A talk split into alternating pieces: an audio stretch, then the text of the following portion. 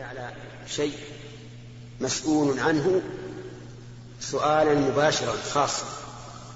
ولهذا نضرب مثلا بإمام المسجد.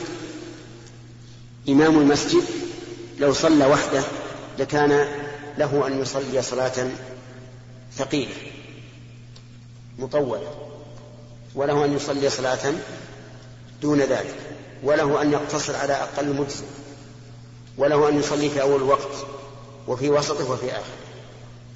هذا إذا كان وحده لكن إذا كان إماما يجب عليه أن يراعي السنة ما استطاع. أن يراعي السنة ما استطاع. فيقرأ مثلا ما تسن قراءته في الصلوات الخمس. وكذلك يراعي ما ما كان النبي عليه الصلاة والسلام يراعيه إذا سمع بكاء الصبي. يوجز ولا يشق عليه. ففرق بين شخص يتصرف لنفسه وشخص يتصرف لغيره. فالواجب على من ولاه الله شيئا وصراه على رعية أن ينصح بقدر المستطاع. وهل يدخل في ذلك الأهل؟ نعم. نعم. يدخل في ذلك الأهل. لأن الرجل منصوب من رسول الله صلى الله عليه وآله وسلم على أهله. فسبق لنا أن الرجل راع في أهله ومسؤول عن رعيته. نعم.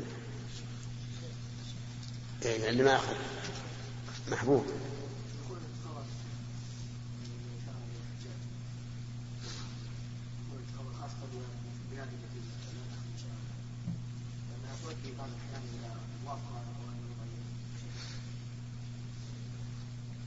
ما تقول في هذه هذه بعد مشكلة مهمة.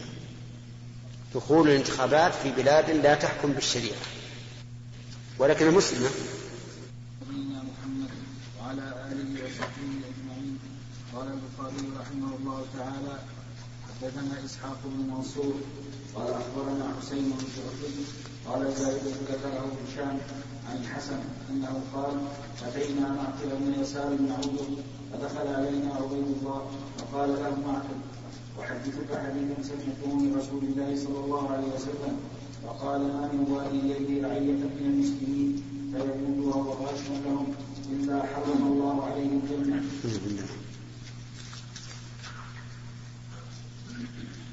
أنا أخذنا هذا تكلمنا عنه نعم. باب من شاء فشق الله عليه. حدثنا إسحاق بن قال حدثنا خالد عن عن جريج عن طريق عن طريق أبي تميمة قال شهدت صفوان وجندبا واصحابه وهو المسلمين فقالوا هل سمعت من رسول الله صلى الله عليه وسلم شيئا؟ قال سمعته يقول من سمع سمع الله به يوم القيامة. قال ومن شاق شقق الله عليه يوم القيامة. فقالوا أوصنا. فقال إن أول ما ينتم من الإنسان بطنه ينتج ينتج إن أول ما يمكن من الإنسان بطنه فمن استطاع أن لا يأكل إلا طيبا فليفعل ومن استطاع أن لا يحال بينه وبين الجنة بملء كفه كفه عندي. كف عندكم؟ ما فيها ضمير؟ إيه نصف نصف أنا عندي نصف نعم. من كف من دم هراقه فليفعل. قلت لأبي عبد الله من يقول؟ سمعت رسول الله صلى الله عليه وسلم جندب قال نعم جندب جندب يعني أجندب هو. فقال نعم هو جندب.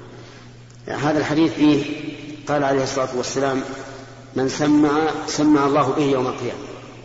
سمع يعني سمع الناس عبادته مراءة ليريهم أنه عابد لله.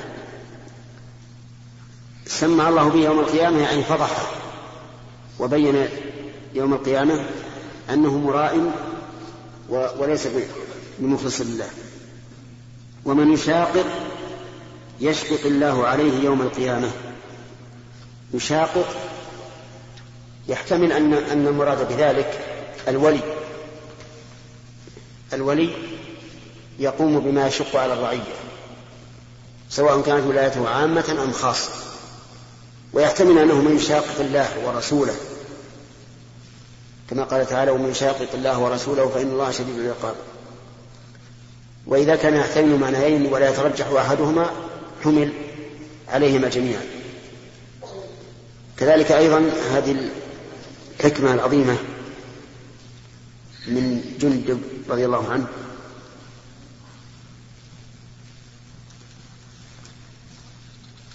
لا من صفوان. يقول إن أول ما ما ينتن من الإنسان بطنه يعني إذا مات فأول ما ينتن منه البطن وذلك لأنه رخو فيسرع إليه النتن فمن استطاع أن لا يأكل إلا طيبا فليفعل. وقد مر علينا أن الطيب يتناول شيئين الطيب كسبا والثاني الطيب عينا وضده الخبيث. كسبا أو أو عينا. ومن استطاع أن لا يحال بينه وبين الجنة بملء كف من دم من دم أهراقه فليفعل. وذلك لأن من أصاب دما حراما فإنه نسأل الله العافية يدخل النار. قال الله تعالى ومن يقتل مؤمنا متعمدا فجزاؤه جهنم خالدا فيها وغضب الله عليه ولعنه وأعد له عذابا عظيما. قلت لأبي عبد الله من يقول سمعت رسول الله صلى الله, صلى الله عليه وآله وسلم جندب؟ قال نعم جندب. شبع الكلمة الأخيرة مصطفى.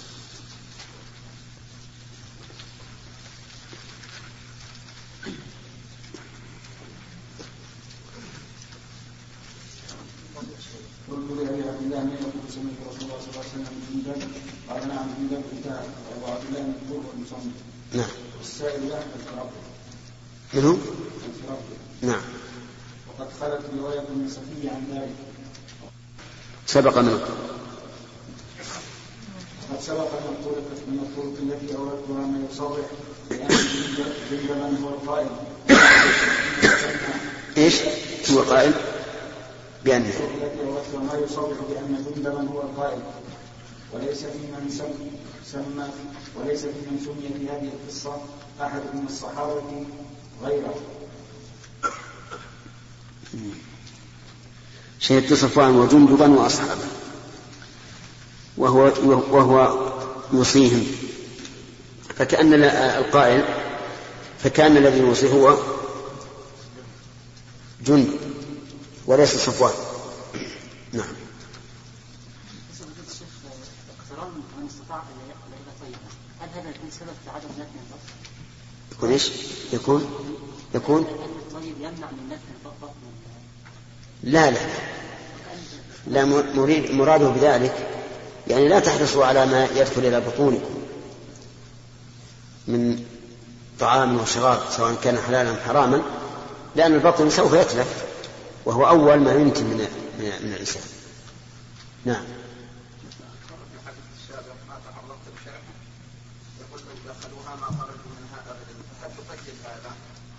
بإيش؟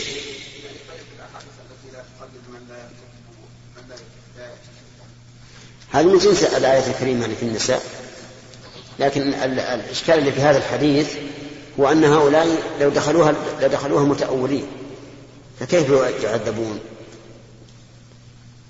فإذا سأل سائل هذا السؤال قلنا إن قبلك الصحابة لم يسألوا الرسول صلى الله عليه وسلم عن هذا دقيقة والجملة هذه سيقة مساق الزجر والردع والوعيد. فلا غرابة أن تأتي مطلقة كما في بعض الأحاديث الكثيرة الآيات والأحاديث الكثيرة. نعم. خلنا ثلاثة. ثلاثة.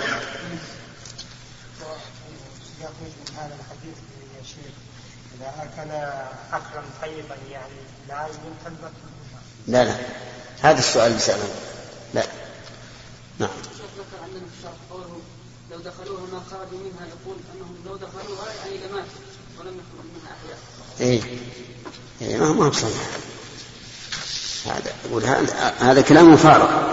لو كان هذا مراد الرسول صلى الله عليه وسلم لكان كلام كلام فارغ لا معنى له. نعم. باب القضاء والفتيا في الطريق وقضى يحيى بن يعمر في الطريق. وقضى الشعبي على باب ذلك. حدثنا عثمان بن أبي شيبة وهذا لأنه كانوا كانوا فيما سبق. ليس عندهم محاضر لكتابة الدعوة وصفتها وما يتعلق بها التي تسمى محاضر الضبط. لأن الأمر في فيما سبق سهل ونحن نسمع وأدركنا شيئا من ذلك أن القاضي يخرج من المسجد يتبعه الخصوم فيقضي لهم وهو يمشي.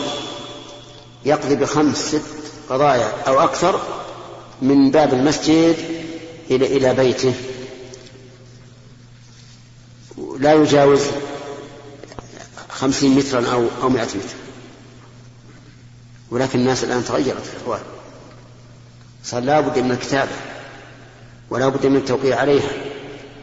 وعسى أن الأمور تتم أيضا. كثيرا ما ينكر المدعي أنه وقع على هذا الشيء أو يدعي أنه زيد فيه ونقص ونقص.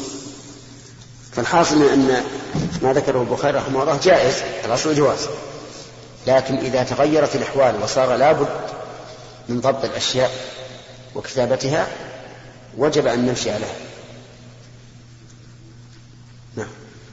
حدثنا بن أبي شيبة قال حدثنا جرير عن منصور عن سالم بن أبي قال حدثنا أنس بن مالك رضي الله عنه أنه قال بينما أنا مع النبي صلى بينما أنا والنبي صلى الله عليه وسلم خارجان من المسجد فلقينا رجل عند سجة المسجد فقال يا رسول الله متى الساعة؟ فقال النبي صلى الله عليه وسلم ما أعددت لها فكأن الرجل استكان ثم قال يا رسول الله ما أعددت لها كبير صيام ولا صلاة ولا صدقة ولكن أحب الله ورسوله قال أنت مع من أحببت. الحمد لله. الشاهد من هذا أن الرسول عليه الصلاة والسلام قضى أو أفتى وهو خارج المسجد في السوق فدل ذلك على ما ترجم به رحمه الله. وفي هذا الحديث دليل على أنه لا ينبغي السؤال متى الساعة. وإنما يسأل ماذا أعد للساعة. وهذا هو المهم. المهم أن تتأمل على أي حال تموت. لا أن تتأمل متى تموت أو في أي مكان. أهم شيء العمل والخاتمة. نسأل الله لنا ولكم حسن الخاتمة. نعم. نعم حسن الاخلاق يحفز الانسان الانسان لو ما هو ما هو مستقيم. إيه. نعم أقول وش حال الإنسان بعض الأحيان في عمال هنا هنا حاضرين كافرين كفار ما يسمون. ولكن اخلاق والإنسان يعني سبحان الله العظيم تشوف اتخاذ ما يصير مثل مثل الثانية الثانية يصير عنده عنده الحركة يعني. من دون من دون أن يكون مثل بغض الثاني وش يصير هو لا شك أن الطبيعة الإنسانية تحب اسم الخلق. فإذا جاء من مؤمن صار نورا على نور. وإذا جاء من كافر صار نورا على ظلم. وإلا فكل أحد يحب اسم الخلق. لا ما مشكلة. هذا المسلم خلق لنا. المشكل سوء الأخلاق من المسلم. نعم هو صحيح أنه إذا أحسن الأخلاق ربما يخدع البسط من الناس ويكون بينه وبينهم مودة. نعم. باب ما ذكر عن النبي صلى الله عليه وسلم لم يكن له بواب حدثنا إسحاق بن منصور قال أخبرنا عبد الصمد قال حدثنا شعبة قال حدثنا سعيد بن عماني عن أنس بن مالك أنه يقول لامرأة من اهله تعرفين فلانا؟ قالت نعم. قال فإن النبي صلى الله عليه وسلم مر بها وهي تبكي عند قبر. فقال اتق الله واصبري. فقالت اليك عني فإنك خبر من مصيبتي. قال فجاوزها ومر فمر بها رجل فقال ما قال لك رسول الله صلى الله عليه وسلم؟ قالت ما عرفته قال إنه لرسول الله صلى الله عليه وسلم. قال فجاءت إلى بابه فلم تجد عليه بوابا فقالت يا رسول الله والله ما عرفته وقال النبي صلى الله عليه وسلم إن الصبر عند أول صدمة الشاهد من هذا أن الرسول أن المرأة جاءت إلى إلى بيت رسول الله صلى الله عليه وآله وسلم ولم يكن عنده بواب. لكنه لا تدخل لا يدخل عليه إلا باستئذان. الاستئذان لا بد منه. وأما البواب فما كان الرسول عليه الصلاة والسلام عند بيته بواب. لكنه إذا كان الإنسان يخشى على نفسه فلا حرج أن يتخذ حارسا أو بوابا من أجل حمايته وفي هذا الحديث دليل على أن الإنسان إذا فعل شيئا ينبغي أن يوعظ بهذه الموعظة. يقال له اتق الله واصبر. وفيه دليل على جواز زيارة المرأة للقبور. لأن هذه المرأة كانت عند قبر ولدها هكذا زعم بعض العلماء ولكن الصحيح أنه لا دليل فيه. لأن هذه المرأة لقوة ما أصابها من المصيبة لم تملك نفسها أن تأتي إلى هذا القبر. بل فيه دليل على أنه ينبغي منع النساء من زيارة القبور لأن المرأة لا تصبر. فهذه المرأة عكفت على هذا القبر وهي تبكي لأنه أصيبت به. الصحيح أن هذا لا دلالة فيه على جواز زيارة المرأة القبر. ولكنها كما أسلفنا سابقا إذا مرت بالقبر ووقفت عليه وسلمت ودعت فلا بأس. المحظور أن تخرج من بيتها للزيارة لأن هذا لا يجوز. وفيه دليل على أن الإنسان قد لا يعرف ولو كان مشهورا معلوما لأن هذه المرأة لم تعرف النبي صلى الله عليه وآله وسلم. وفيه أن الصبر يكون عند الصدمة الأولى أي صدمة البلاء الأولى. وذلك لأن لأن الإنسان إذا أصابته المصيبة ثم بقي مدة فإنها تبرد عليه. ويسهل عليه الصبر. لكن عند أول صدمة هو الذي يضعف عن تحملها. فلهذا نقول إن الرجل إذا صبر عند أول صدمة فهذا هو الصابر أما إذا تأخر فهذا صبره ضعيف. وإن كان له صبر لكن الصبر الحقيقي هو الصبر عند الصدمة الأولى. وعلى هذا فقوله إن الصبر عند أول صدمة لا يعني أنه بعد ذلك لا ينال الإنسان شيء من الصبر بل يناله بحسبه إلا أنه ضعيف نعم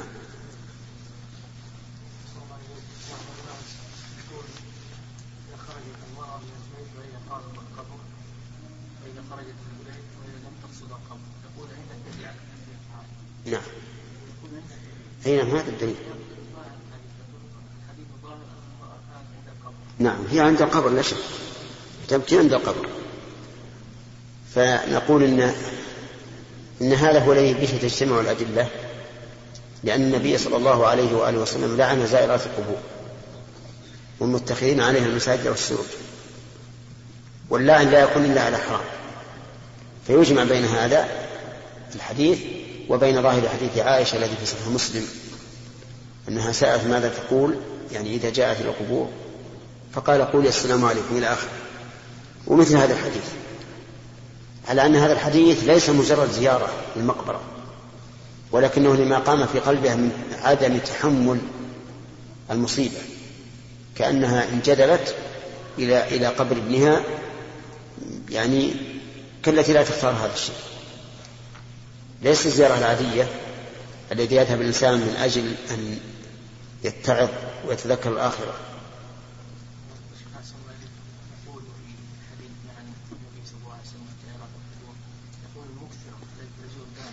نعم. رد هذا الشيخ الإسلام رحمه الله.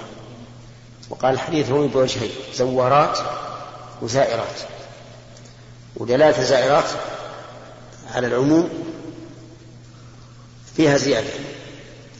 لأن قلنا زوارات كثيرات الزيارة خرج قليلات الزيارة. فإذا قلنا زائرات عموم دخل المكثرات للزيارة والمقلات فيكون زيادة, زيادة.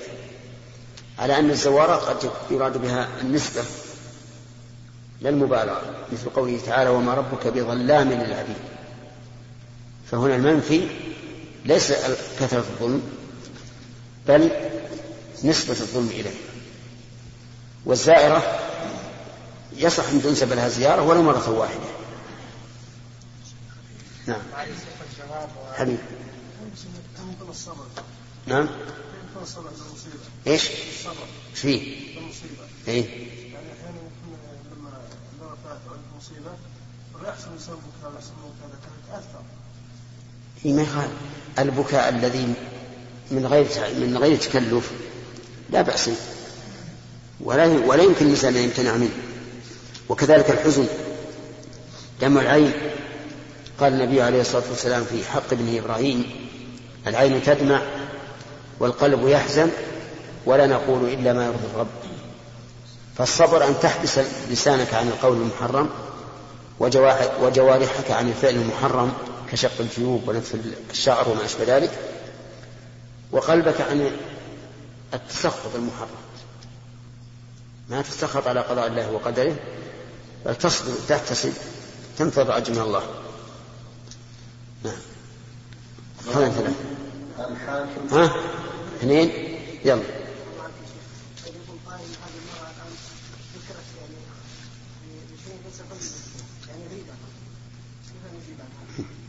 لا بد من هذا. لا بد من, من, من رواية القصة على ما هي عليه. وليس المراد غيبة المرأة المراد حكاية الحال. والمس نعم. كيف؟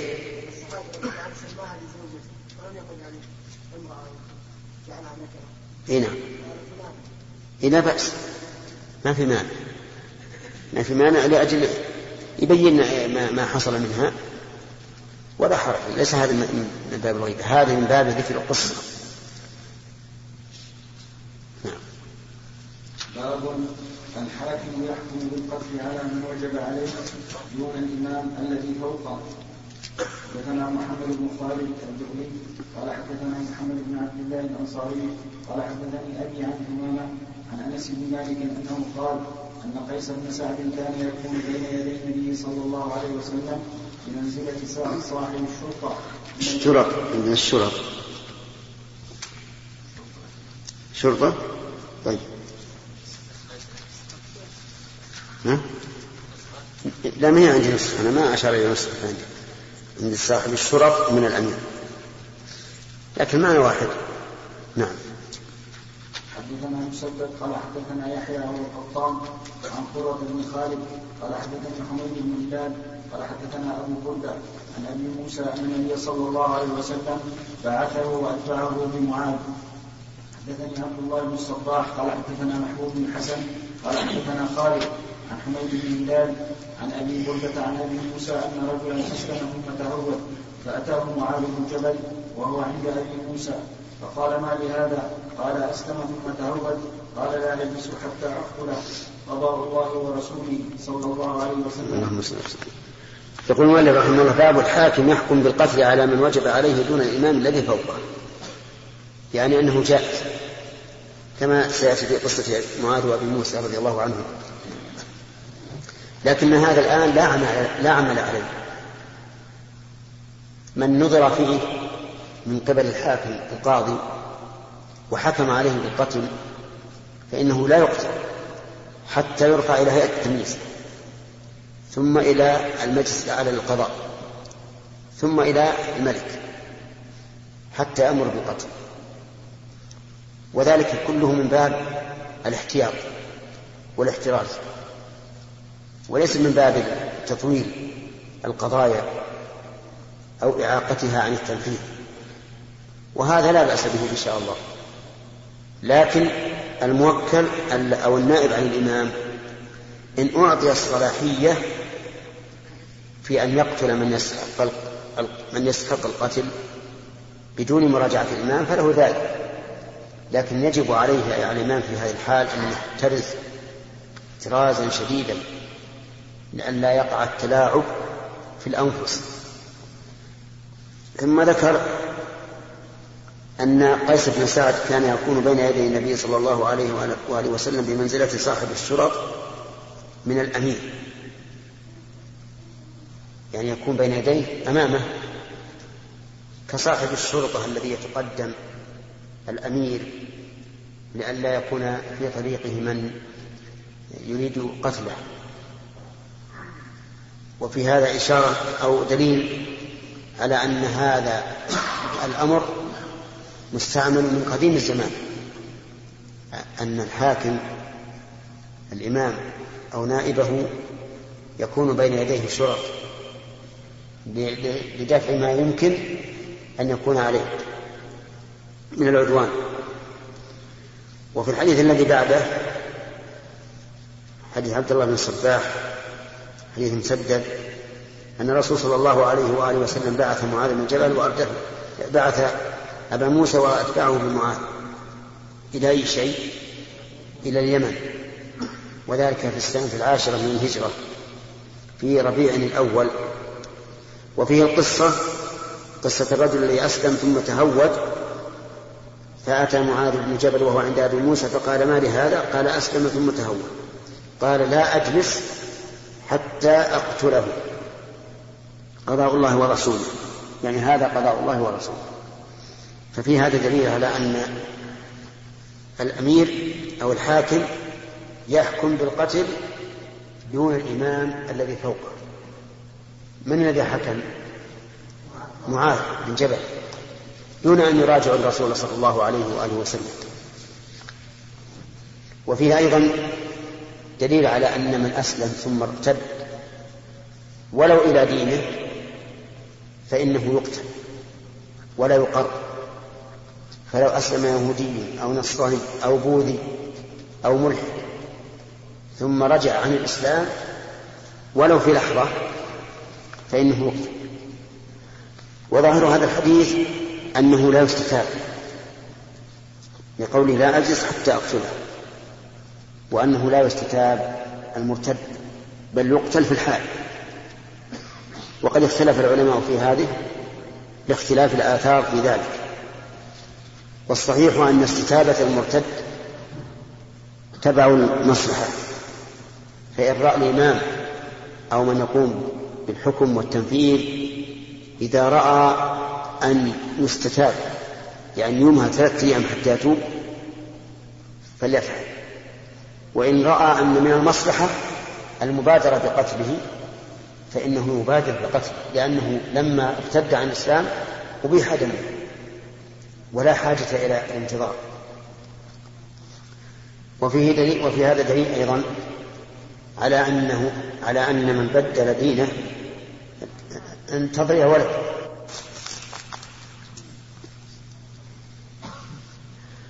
ولهذا قال العلماء إذا إذا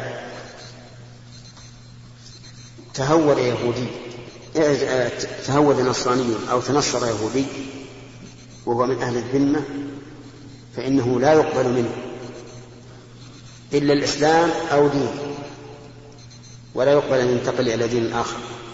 فإن أصر على الانتقال إلى دين آخر غير الإسلام انتقض عهده. شوف الحديث الأول مناسبة الباب.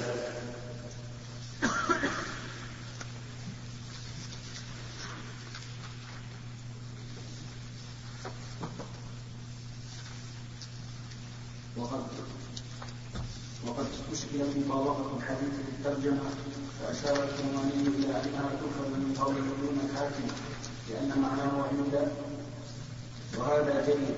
إيش لأن معناه؟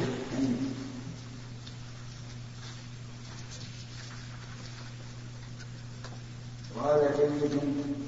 ينسى عليه هذا قيسا كانت موهبته أن يفعل ذلك. بحضرة النبي صلى الله عليه وسلم بأمره سواء كان خاصا أم عاما. قال الكرماني يحتمل أن تكون دون بمعنى غير. قال وهو الذي يحتمل الحديث الثاني لا غير. فيلزم أن يكون استعمل في الترجمه دون في معنيين. وفي الحديث تشبيه ما مضى مما حدث بعده. خلاص؟ نعم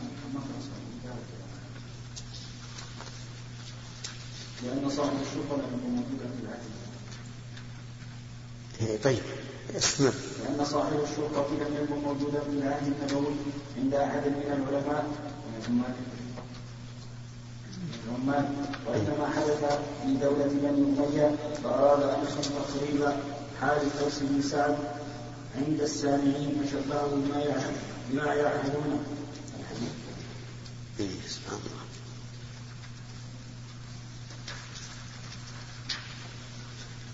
ويشبه أن يكون هناك قصة في الموضوع. ليست على شرط البخاري فأشار إليها كعادته نعم. نعم. لا لا قصاصا من قتل حتى يقتل ردته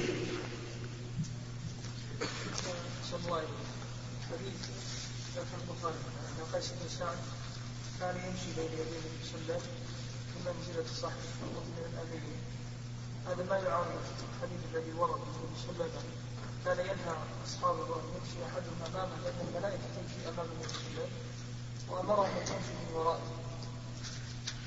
هذا يحتمل بين يديه إذا مشى أو بين يديه وهو جالس كما يكون الشرط حول الأمير إذا أمر بشيء ابتدروه يعني ما في نص على أنه كان يمشي. وقيس بن سعد بن عبادة أبوه سعد بن عبادة سيد من؟ الخزر. هناك رواية إيش يقول؟ يقول قال الأنصار ولا أعلم إلا عن أنس قال لقد النبي صلى الله عليه وآله وسلم كان قيس بن سعد مقدمته في منزلة صاحب الشرطة من الأمير فكلم سعد النبي صلى الله عليه وآله وسلم في قيس أن يسلمه من الموضع الذي وضعه فيه مخافة أن يقدم على شيء فصرفه عن ذلك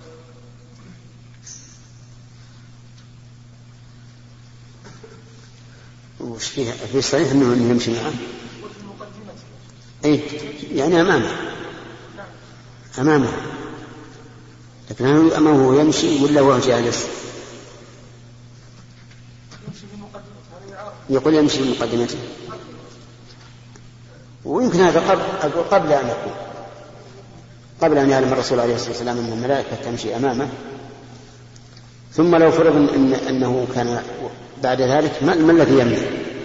أن يكون الرسول محروسا بالملائكة ومحروسا بالبشر ما يمنع. نعم. إيش؟ نعم.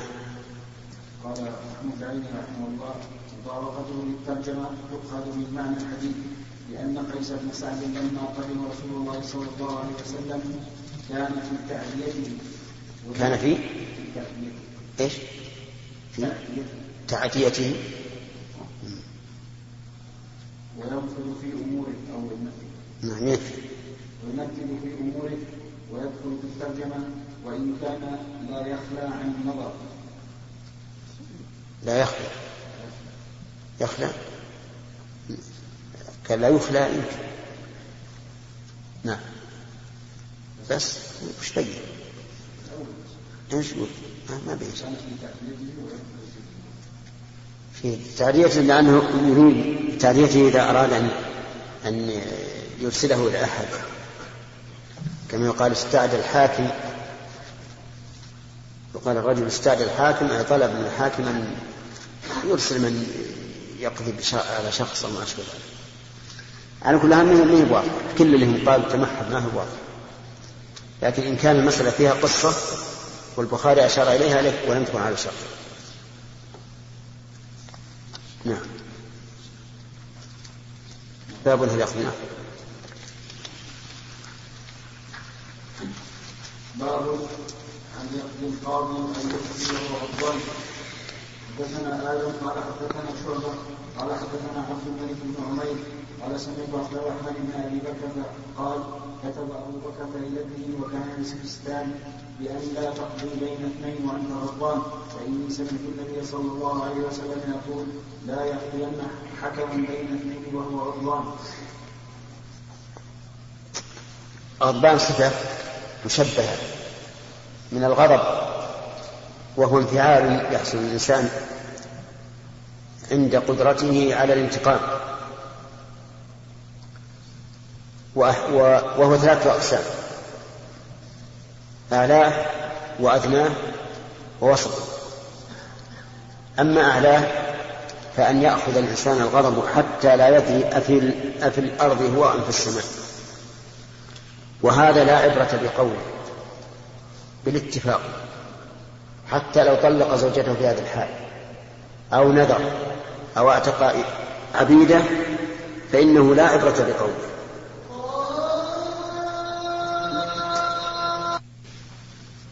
باب هل يقضي القاضي أو يفتي وهو غضبان.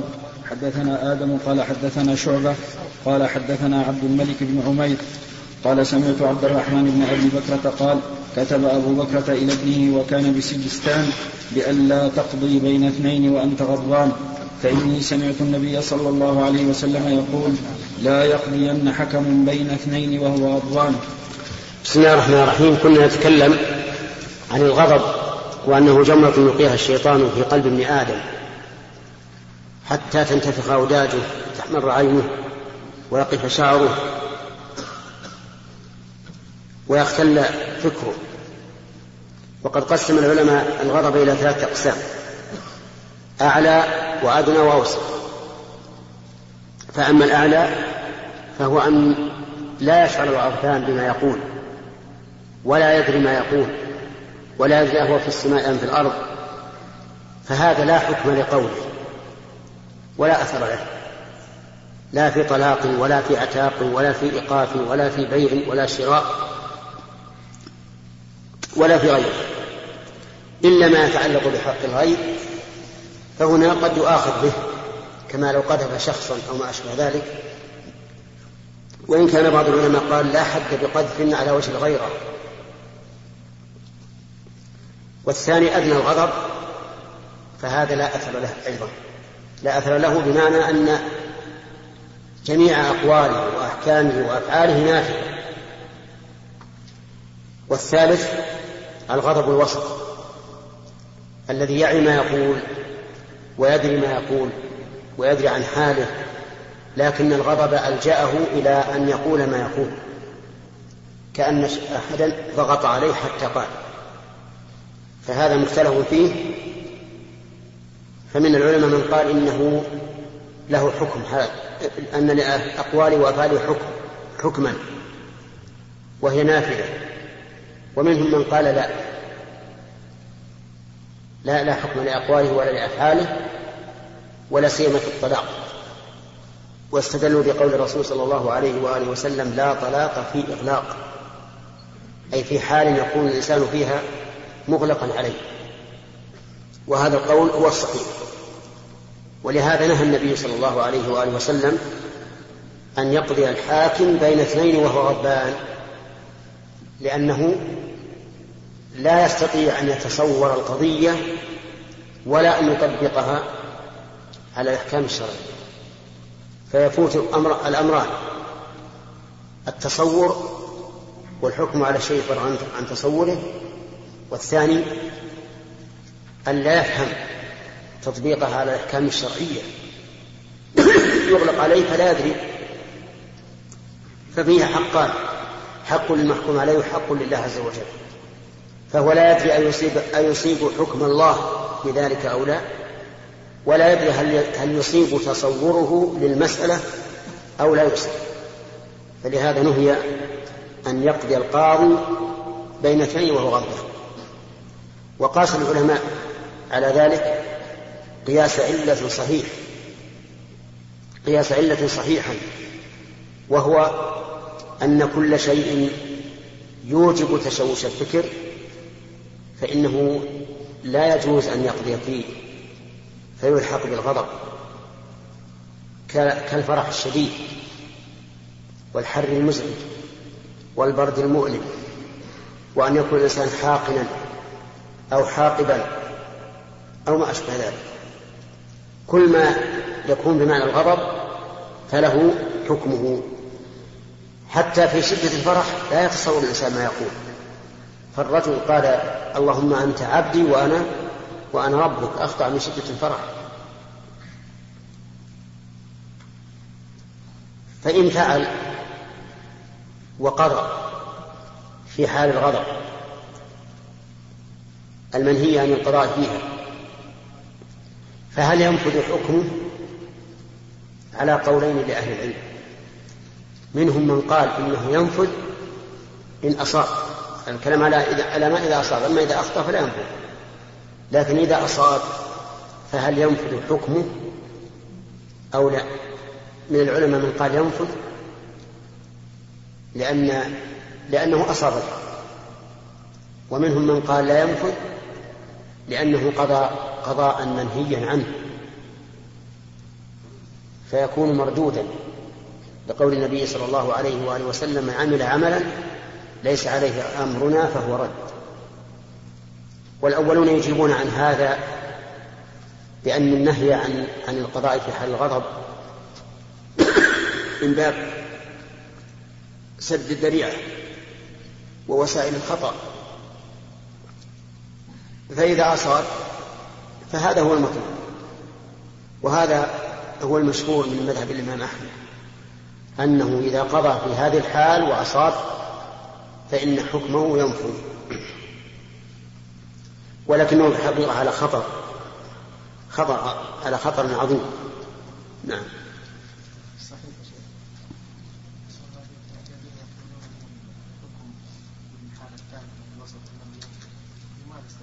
كيف انه ينفذ؟ اي أنه لا نعم. اي نعم. يستدلون بأن الرجل يتكلم وهو يعقل الكلام ويفهم الكلام. ولم يأتي أحد من الخارج يكرهه حتى نقول إنه مكره. فالضغط عليه من الداخل. فلا فلا يعتبرونه.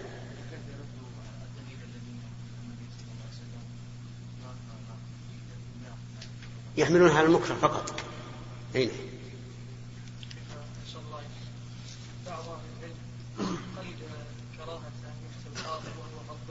يحكم أن يحكم أن يحكم.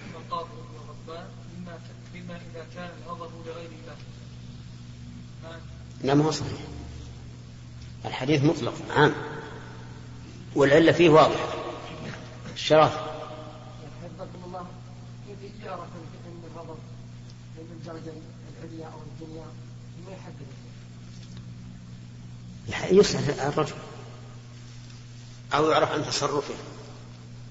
أحيانا إذا غضب الإنسان يضرب أمه يضرب أبوه. أحيانا يكون مخلاص بالجدار عرفت؟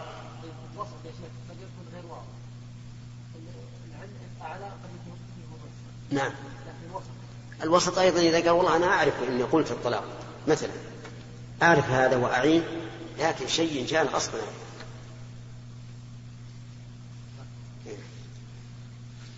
حدثنا محمد بن مقاتل قال أخبرنا عبد الله قال أخبرنا إسماعيل بن أبي خالد عن قيس بن أبي حازم عن أبي مسعود الأنصاري أنه قال جاء رجل إلى رسول الله صلى الله عليه وسلم فقال يا رسول الله إني والله لأتأخر عن صلاة الغداة من أجل فلان مما يطيل بنا فيها. قال فما رأيت النبي صلى الله عليه وسلم قط أشد غضبا في موعظة منه يومئذ. ثم قال يا أيها الناس إن منكم منفرين فأيكم ما صلى بالناس فليوجز فإن فيهم الكبير والضعيف وذا الحاجة. قوله عليه الصلاة والسلام أيكم ما صلى ما هذه زائدة؟ والتقدير فأيكم صلى بالناس. الشاهد من هذا الحديث قوله فما رأيت النبي صلى الله عليه وآله وسلم قط أشد غضبا في موعظة منه يومئذ. ونفيه للرؤية لا ينفي حقيقة الوجود.